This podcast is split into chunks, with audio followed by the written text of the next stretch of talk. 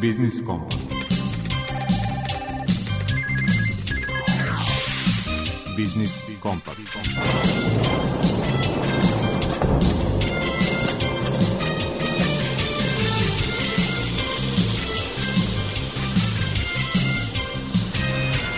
Pred mikrofonom je Đuro Vukelić. Dobar dan poštovani slušalci. Uobičajeno utorkom posle 16 smo uz Biznis Kompas i niz ubeđen sam zanimljivih i korisnih tema i sagovornika.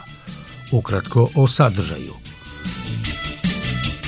U rubrici Aktuelno kroz razgovor sa generalnim direktorom kompanije Continental Automotive Srbija Sašom Ćoringom najavljujemo otvaranje nove fabrike i procenjujemo budućnost proizvodnje električnih vozila u Srbiji. Gost autor rubrike iz mog ugla je profesor sa Beogradskog ekonomskog fakulteta Đorđe Đukić. Govori o naporima i izgledima monetarnih vlasti u eurozoni i u Srbiji da obuzdaju inflaciju.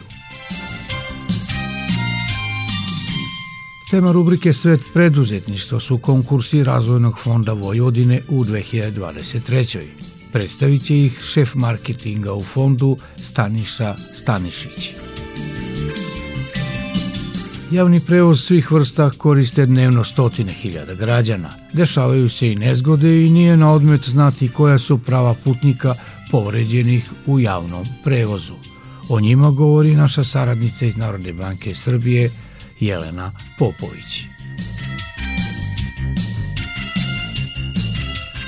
Apelom iz Udruženja za zaštitu potrošača Vojvodine na građane da ne kupuju piće i hranu na neprikladnim prodajnim mestima u rubrici Potrošačka korpa prava završit ćemo današnje druženje uz Biznis Kompas. I pre najavnih rubrika Muzička numera –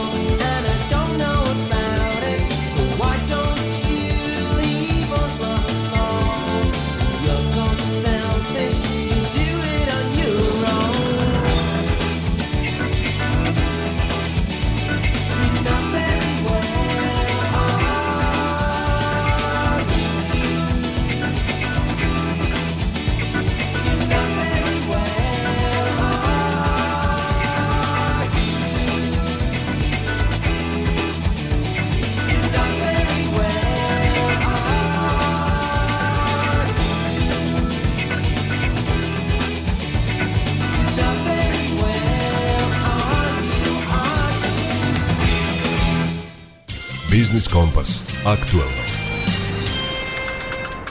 Kompanija Continental Automotive Srbija će, kako je najavljeno, 22. februara izvanično otvoriti novu fabriku za proizvodnju visokotehnoloških delova interijera u vozilima.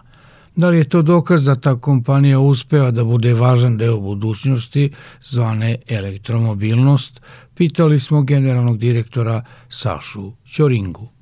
Continental Automotive Srbija stvara budućnost, nije samo deo budućnosti. Ja sam uvek govorio da mi ovde sa našim inženjerima kreiramo trendove za automobilskoj industriji i implementiramo te trendove.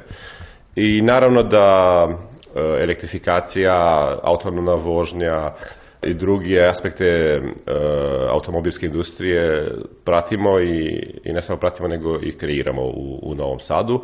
A dokaz je veliki broj inženjera koje zapošljavamo, 950 u razvojno istraživačkom centru u Novom Sadu i 300 zaposlenih u fabrici, koja je isto high-tech, prva high-tech fabrika u Novom Sadu. Planirate da razvijate i jedno i drugo, dakle da proširite i razvojno-istraživački centar na novim lokacijama, a i proizvodnju na novim lokacijama.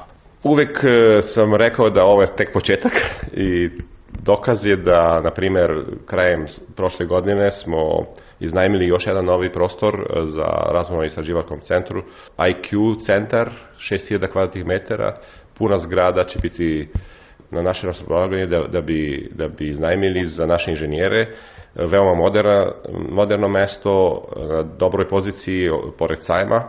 I tamo će se preseliti jedna od naših divizija Smart Mobility, tako da danas imamo tri da kažem, e, zgrade za razvojni istraživački centar. Jedna je na NTP parku, naučno-tehnološkom parku, gde je jedinica user experience prisutna, druga je Pupinova palata gde je architecture networking i central engineering e, prisutan i IQ centar gde je smart mobility. U isto vreme naravno rastimo i fabriku, sledeće godine možda će biti čak i duplo veći broj radnika zaposlenih u fabrici i taj broj će, će rasti svake godine. Mislim da i sledeće godine ćemo isto da imamo duplo veći broj zaposlenih, ali najvažnije je da fabrika je već krenula, nova fabrika e, u Kaču, sada proizvodimo prve uzorke i pripremamo se za serijsku proizvodnju. Kakva je pozicija razvojno istraživačkog centra i uopšte Continental Automotive Srbije u celom Continental sistemu? Nije tajna, i mi već pričamo o tome, da ova fabrika, koja već jeste mega fabrika, ima šansu da postaje najveća fabrika u celom svetu. Najveća fabrika Continental Automotive uh, u celom svetu. Imamo 37 hektara zemlje, i već planiramo uh, ekstenziju fabrike. Nismo ni, tek smo počeli, tek smo krenuli, imat ćemo i zvanično, zvanično otvaranje fabrike 22. februara.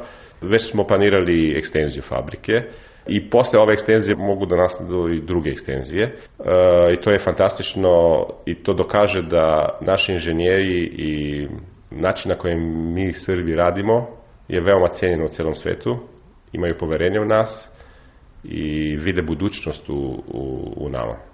Pored Continental Automotiva Srbije još neke zapadne evropske i japanske kompanije su takođe u oblasti elektromobilnosti. Da li to znači da Srbija postaje sve značajniji centar u, u toj oblasti i u svetskim okvirima?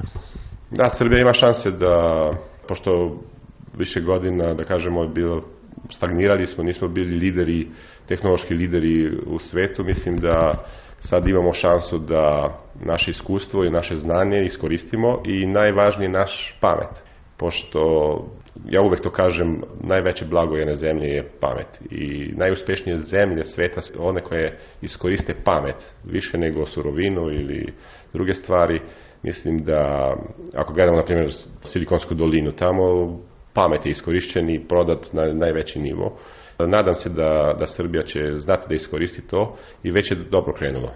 Kakvi su poslovni planovi Continental Automotiva Srbije u 2023. Očekivanja su da budete jedan od vodećih izvoznika zahvaljujući i ovoj fabrici koju je otvarao za mesec dana. Da, ako gledamo samo planove za ovu fabriku, Mislim da samo sa ovom prvom fabrikom ćemo biti, mislim prvo imamo već dve fabrike, e, ali ove prve dve fabrike već sa izvozima kojim planiramo, ali izvozi će gradualno da raste, neće od ove prve godine da bude na tom nivou, ali negde za par godina mislim da imamo šans da budemo najveći izvoznik iz Srbije, a kad pomislim da će postojati ekstenzije, mislim da nebo je granica. I još neki planovi za budućnost? Da, ja uvek pričam da imamo planove i za Niš. Ja sam 100% ubeđen da Niš je dobra lokacija za druge divizije kontinentala koje žele da otvore u Srbije. Ja promovišem taj grad i nadam se da uskoro ćemo čuti nove informacije. Nije ništa konkretno do sada, ali mi se borimo da i Niš bude na mapu kontinentala i mislim da i za Niš je veoma značajni korak napred da pričamo o, da kažem, jednoj najveće kompanije u celoj zemlji, ne samo u Novom Sadu, kad pričamo o kontinentalu. Nadamo se tome i hvala za razgovor. Hvala vama.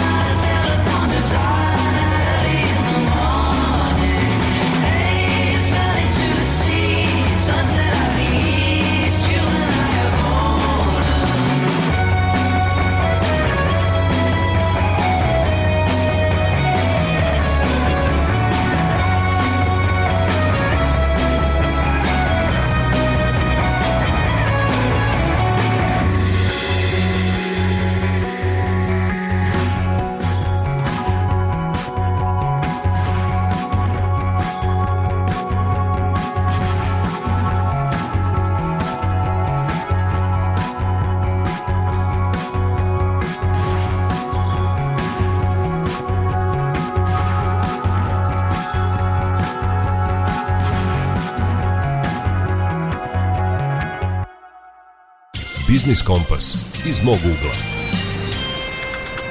Neuobičajeno blaga zima i smanjeni troškovi zbog ukrajinske krize veoma skupih energenata doprineće relaksaciji monetarne politike u eurozoni, posredno i u Srbiji. To ne znači da se ne treba oštrim monetarnim merama suprostavljati inflaciji i inflatornim očekivanjima, ocenio je u rubrici iz mog ugla profesor sa Beogradskog ekonomskog fakulteta Đorđe Đukić. Pritisci inflatorni, možemo reći slabe, zbog tog faktora koji je praktično među vremenu se pojavi u odnosu na decembar mesec i to automatski znači da će centralne banke lakše moći da pristupe budućim odlukama tokom februara i marta meseca o kamatnim stopama. Faktički Evropska centralna banka, čija je ključna kamatna stopa sada 2,50, najverovatnije će pribeći povećanju te ključne kamatne stope za 50 baznih poena. Razlog je što e, je praktično inflacija enormno visoka za istorijske standarde eurozone. Praktično ona završila godinu sa 9,2 na godišnjem nivou, a bazna inflacija na nivou od 5,2. To apsolutno podrazumeva da restriktivnija monetarna politika u ovih dana, možemo reći, ili meseci, bi tek dala efekte 2024. godine, jer podsjećam vratiti se na ciljanu inflaciju od 2% na godišnjem nivou je izuzetno, izuzetno teško. Druga, možemo reći, dobra vest koja utiče na relaksiranje pritiska na ECB, koji inače pod pritiskom zato što daleko zaostaje za američkim Fedom u pogledu visine ključne kamatne stope, Američki Fed je već praktično od decembra meseca u zoni od 4,50 na godišnji nivou s intencijom da se ta kamatna stopa dalje povećava. A šta je to što relaksira e, poziciju, možemo reći, Evropske centralne banke? To je da zbog opet niže cene energenata, ali podlačim zbog prirodnog faktora i suviše blage zime, će verovatno uticati da prvobitno prognozirana od ozbiljnih institucija recesione tendencije tokom 23. u Nemačkoj će biti redefinisane što znači evo već neke američke investicije banke poput Goldman Sachsa nagoveštavaju da privreda Nemačke ne bi morala da uđe u trajniju recesiju, znači to bi bio neki rast privredni od 0% ili nešto iznad 0%, 0% za razliku da bi vaši slušalci razumeli poslednjih prognoza više institucija da bi Nemačka 2023. mogla da beleži pad bruto društvenog proizvoda 0,6%. U tom smislu i kod nas automatski, s obzirom na zavisnost naše industrije i opšte privrede od privrede Europske unije, naročito Nemačke i Italije, To automatski znači da se delom relaksiraju ti pritisci na privrednu aktivnost, zato što automatski vidite čim se pojavi intencija da nemački privredni kapaciteti rade intenzivnije zbog nižih cena energenata i još drugih faktora koji su sad tu prisutni, automatski to će značiti veću tražnju u odnosu na prošlost prema kompanijama koje su ovde locirane locirane u Srbiji, tako da posle ovog privrednog rasta procenjenog strane Republičkog zavoda statistiku od 2,3 na godišnjem nivou za 2022. godinu,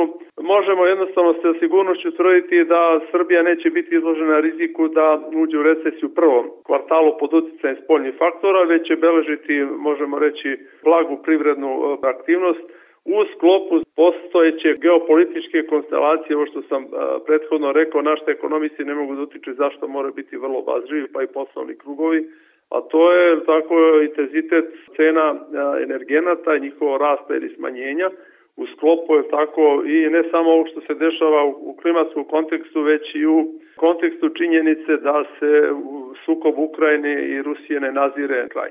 Što se tiče inflacije, koliko je teško boriti se sa jednom ukorenjenom inflacijom, čak i kad nije dvocifrena, evo vam opet primer Nemačke. Nemačka je imala veću inflaciju nego privreda eurozone prošle godine, iznosila je 9,6%. I sada, zašto to govorim? Govorim zato što prema naj, možemo reći, rigidnim prognozama gde Bundesbanka spada institucije koja uvek ispoljava taj, možemo reći, faktor koji se zove antiinflacioni, Oni ne predviđaju da će inflacija biti manja od 7% u Nemačkoj 2023. godine. Zašto to govorim? Pa govorim zato što i kod nas imajući u vidu ovo što smo već prethodno istakli, pošto je inflacija već 15% na godišnjem nivou merana indeksom rasta cena na malo.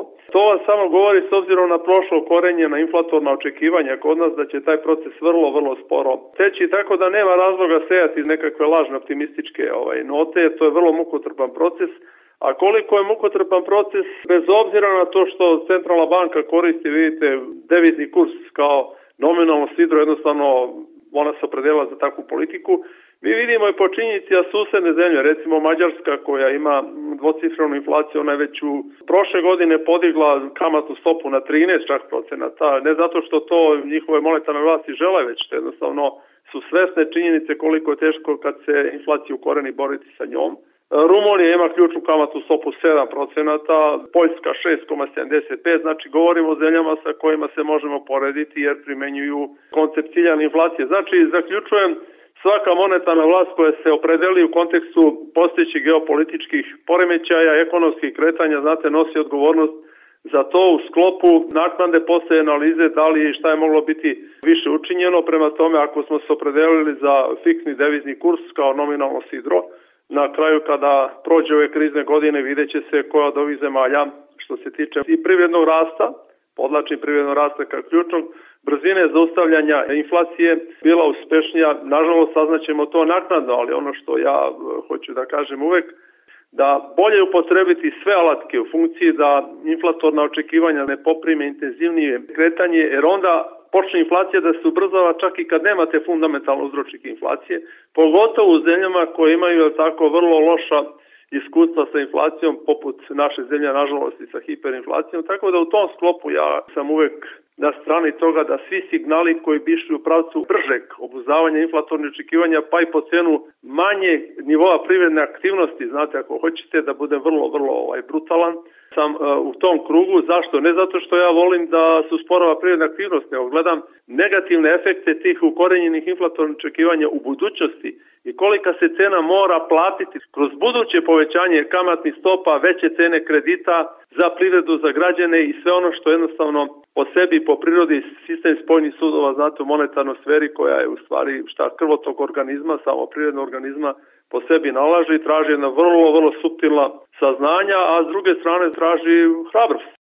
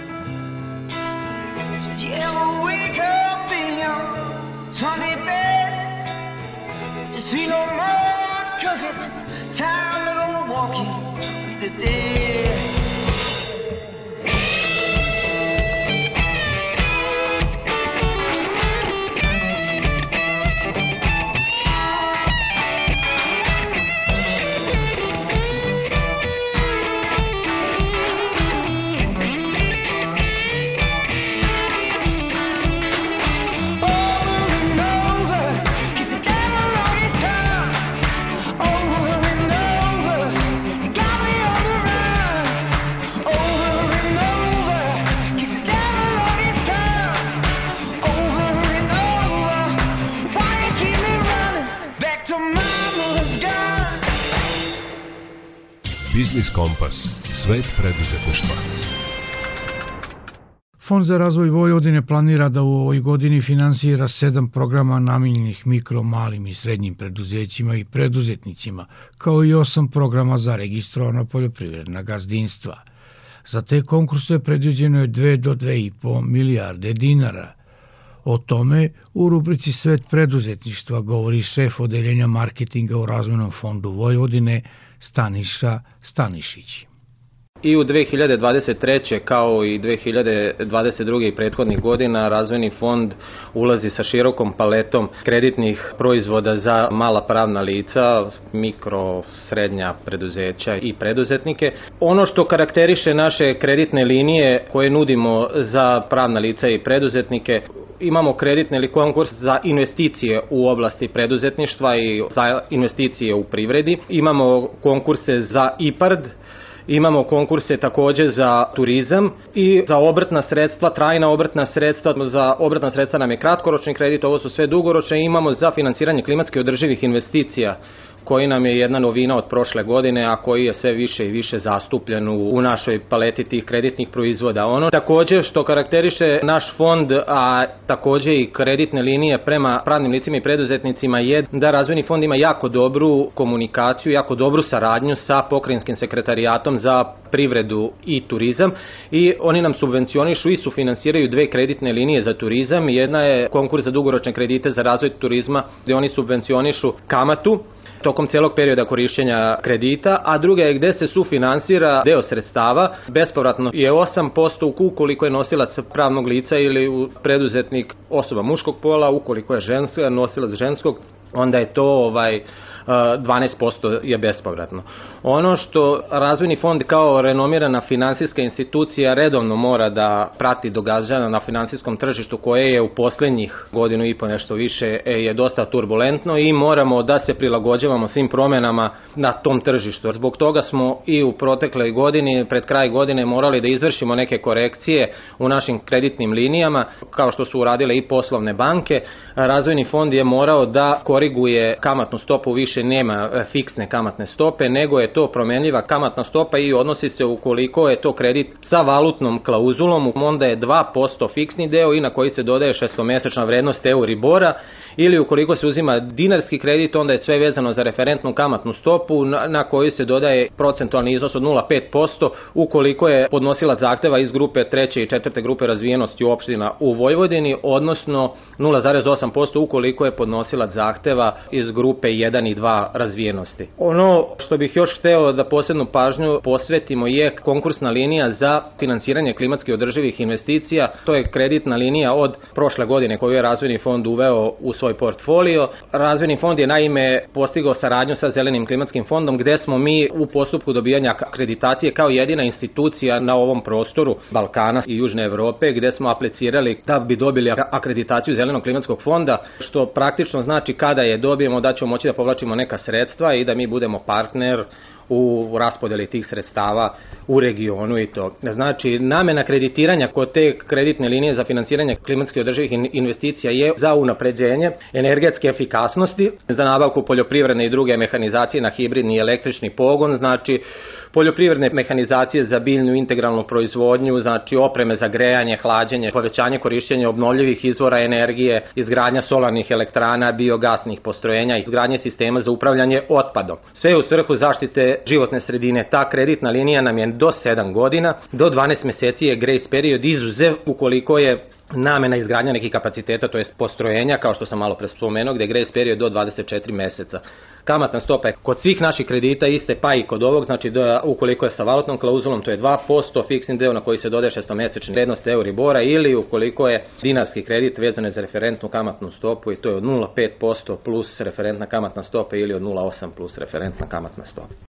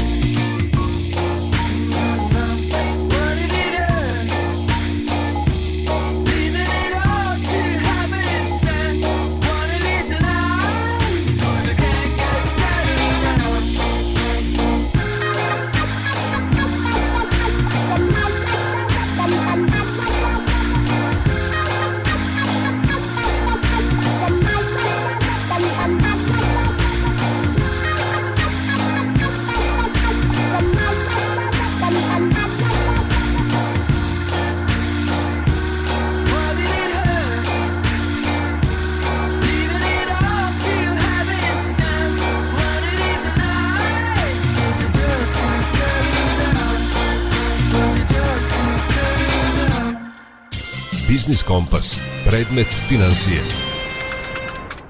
Naša saradnica iz sektora za zaštitu korisnika finansijskih usluga u Narodnoj banci Srbije, Jelena Popović, u današnjoj rubrici Predmet financije govori o osiguranju putnika u svim vidovima javnog prevoza. Koga se propisi definišu kao putnika i kako ostvariti pravo u slučaju nezgode. Većina građana svakodnevno putuje javnim prevozom i imajući to u vidu, a ukoliko se neposredno pre započinjanja tokom ili posle putovanja desi nezgoda, Građani bi trebalo da znaju da se u takvim situacijama da su osigurani i da mogu zahtevati naknadu iz osiguranja, iako nisu oni sami zaključili ugovor o osiguranju. Naime, zakonom o obaveznom osiguranju saobraćaju regulisano je osiguranje putnika u javnom prevozu od posledica nesrećnog slučaja i propisano ko ima obavezu da zaključi ugovor o osiguranju, ko se smatra putnikom u osiguranju, koji su rizici pokriveni ovom vrstom osiguranja i kolika je visina osigurane sume, kao i kako se ostvaruje pravo na naplatu štete. Ko ima obavezu da zaključi ugovor o osiguranju? Obaveza osiguranja putnika u javnom prevozu od posledice nesrećnog slučaja važi za sve vlasnike prevoznih sredstava kojima se obavlja javni prevoz putnika. Oni su dužni da zaključe ugovor o osiguranju putnika u javnom prevozu od posledice nesrećnog slučaja. Ugovor o osiguranju putnika u javnom prevozu od posledice nesrećnog slučaja dužni su da zaključe sledeći.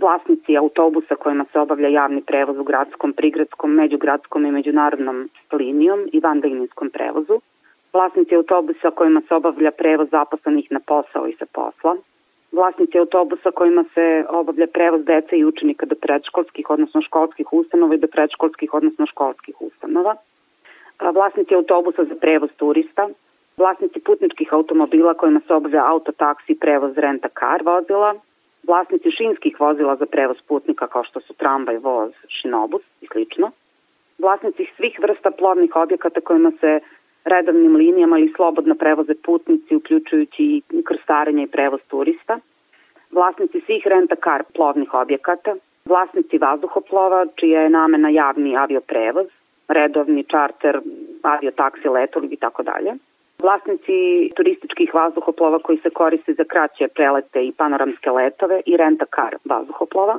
vlasnici drugih prevoznih sredstava bez obzira na vrstu pogona kojima se prevoze putnici uz naplatu prevoza u vidu registrovane delatnosti. Vlasnik prevoznog sredstva dužan je da na vidnom mestu u prevoznom sredstvu i voznoj karti naznači podatke zaključenom ugovoru o osiguranju, a naročito naziv društva za osiguranje i prava putnika po osnovu tog ugovora.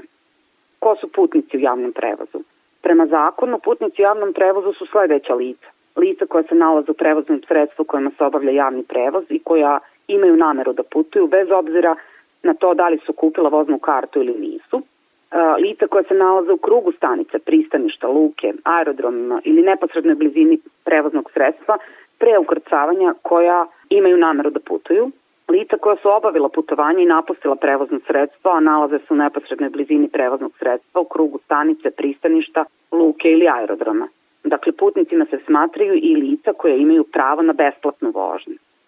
Kolika je visina e, osigurane sume i koji su rizici obuhvaćeni?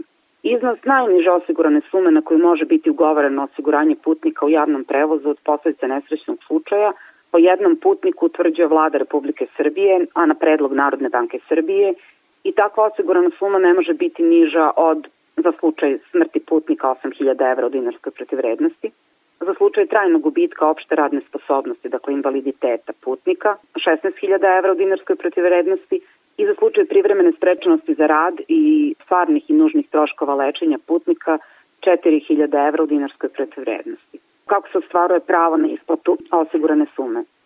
Putnik koji pretrpi povredu u javnom prevozu, odnosno određeni korisnik prema uslovima osiguranja u slučaju smrti putnika, ima pravo da zahteva da društvo za osiguranje sa kojim je zaključen ugovor o osiguranju neposredno njemu izvrši svoju obavezu iz ugovora o osiguranju vinjam.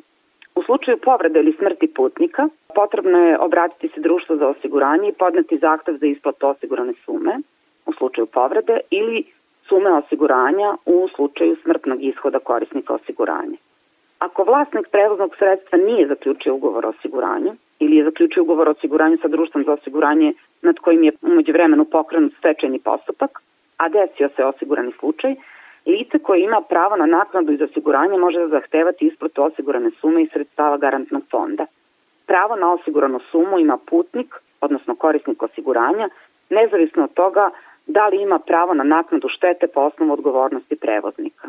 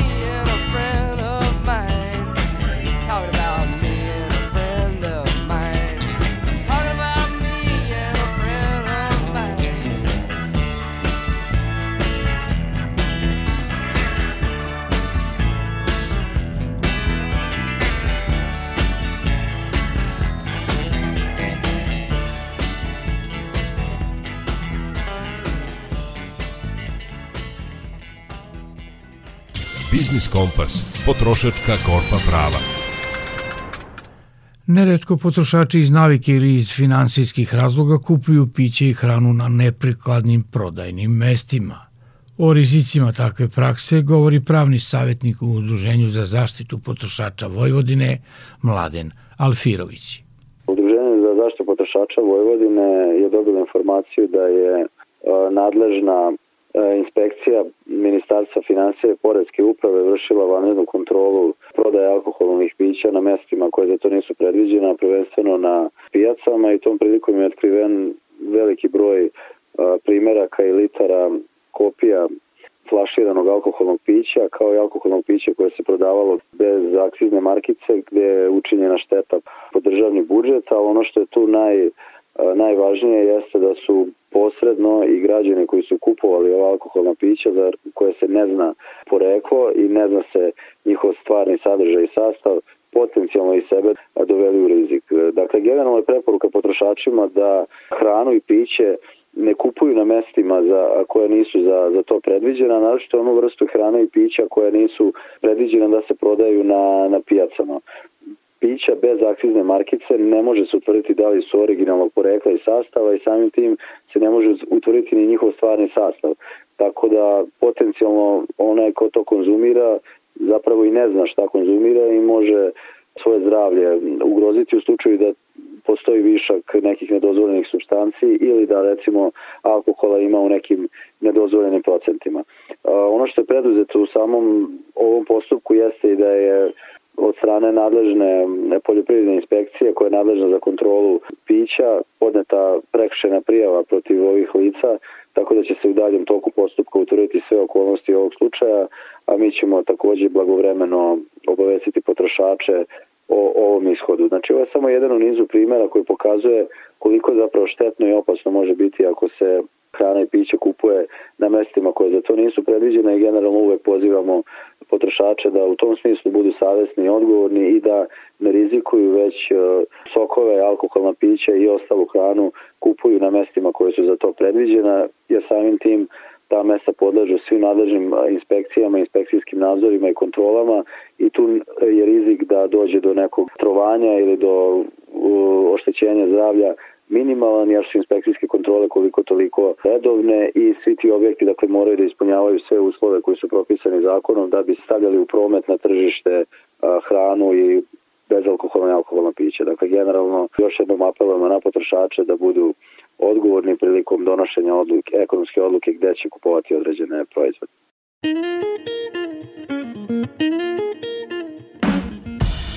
People,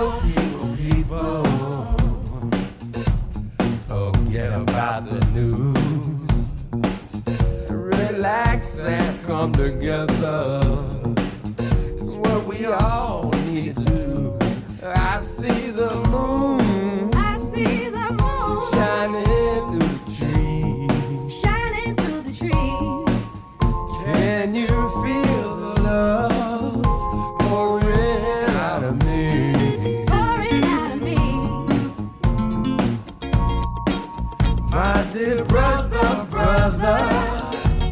Let's get the groove on.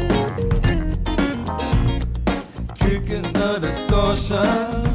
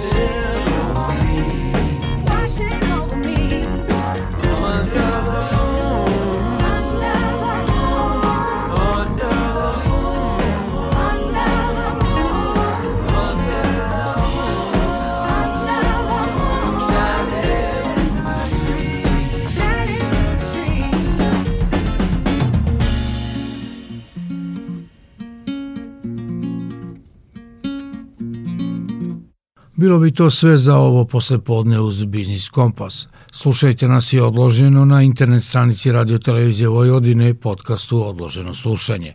Do idućeg utorka u isto vreme pozdrav od tima koji čine muzički urednik Zoran Gajinov, ton majstor Marica Jung i urednik emisije Đuro Vukević. Zdravi bili i čuvajte se.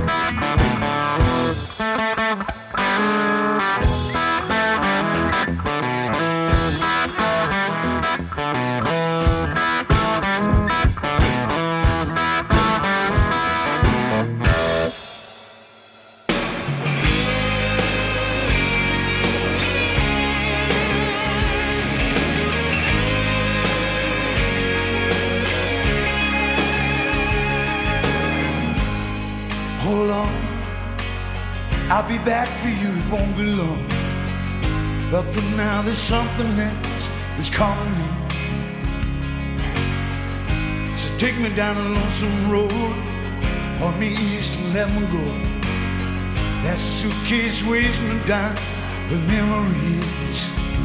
I just wanna be the one you run to. I just wanna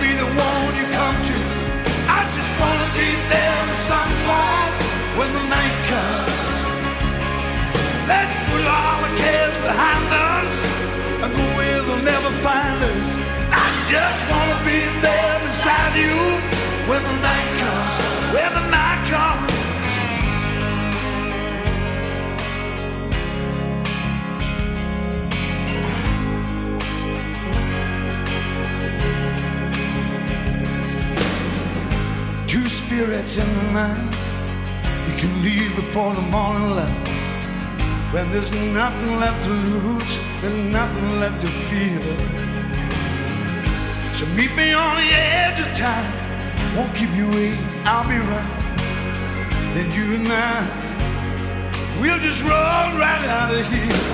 I just wanna be the one you run to. I just wanna be the one you come to. I just wanna be there with someone when the night comes. Let's put all the cares behind us and go where they never find us. I just wanna be there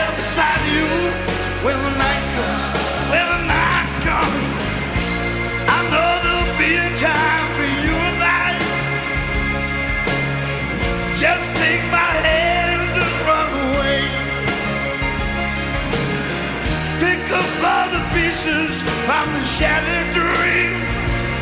We're gonna make it out someday. And we'll be coming back, coming back to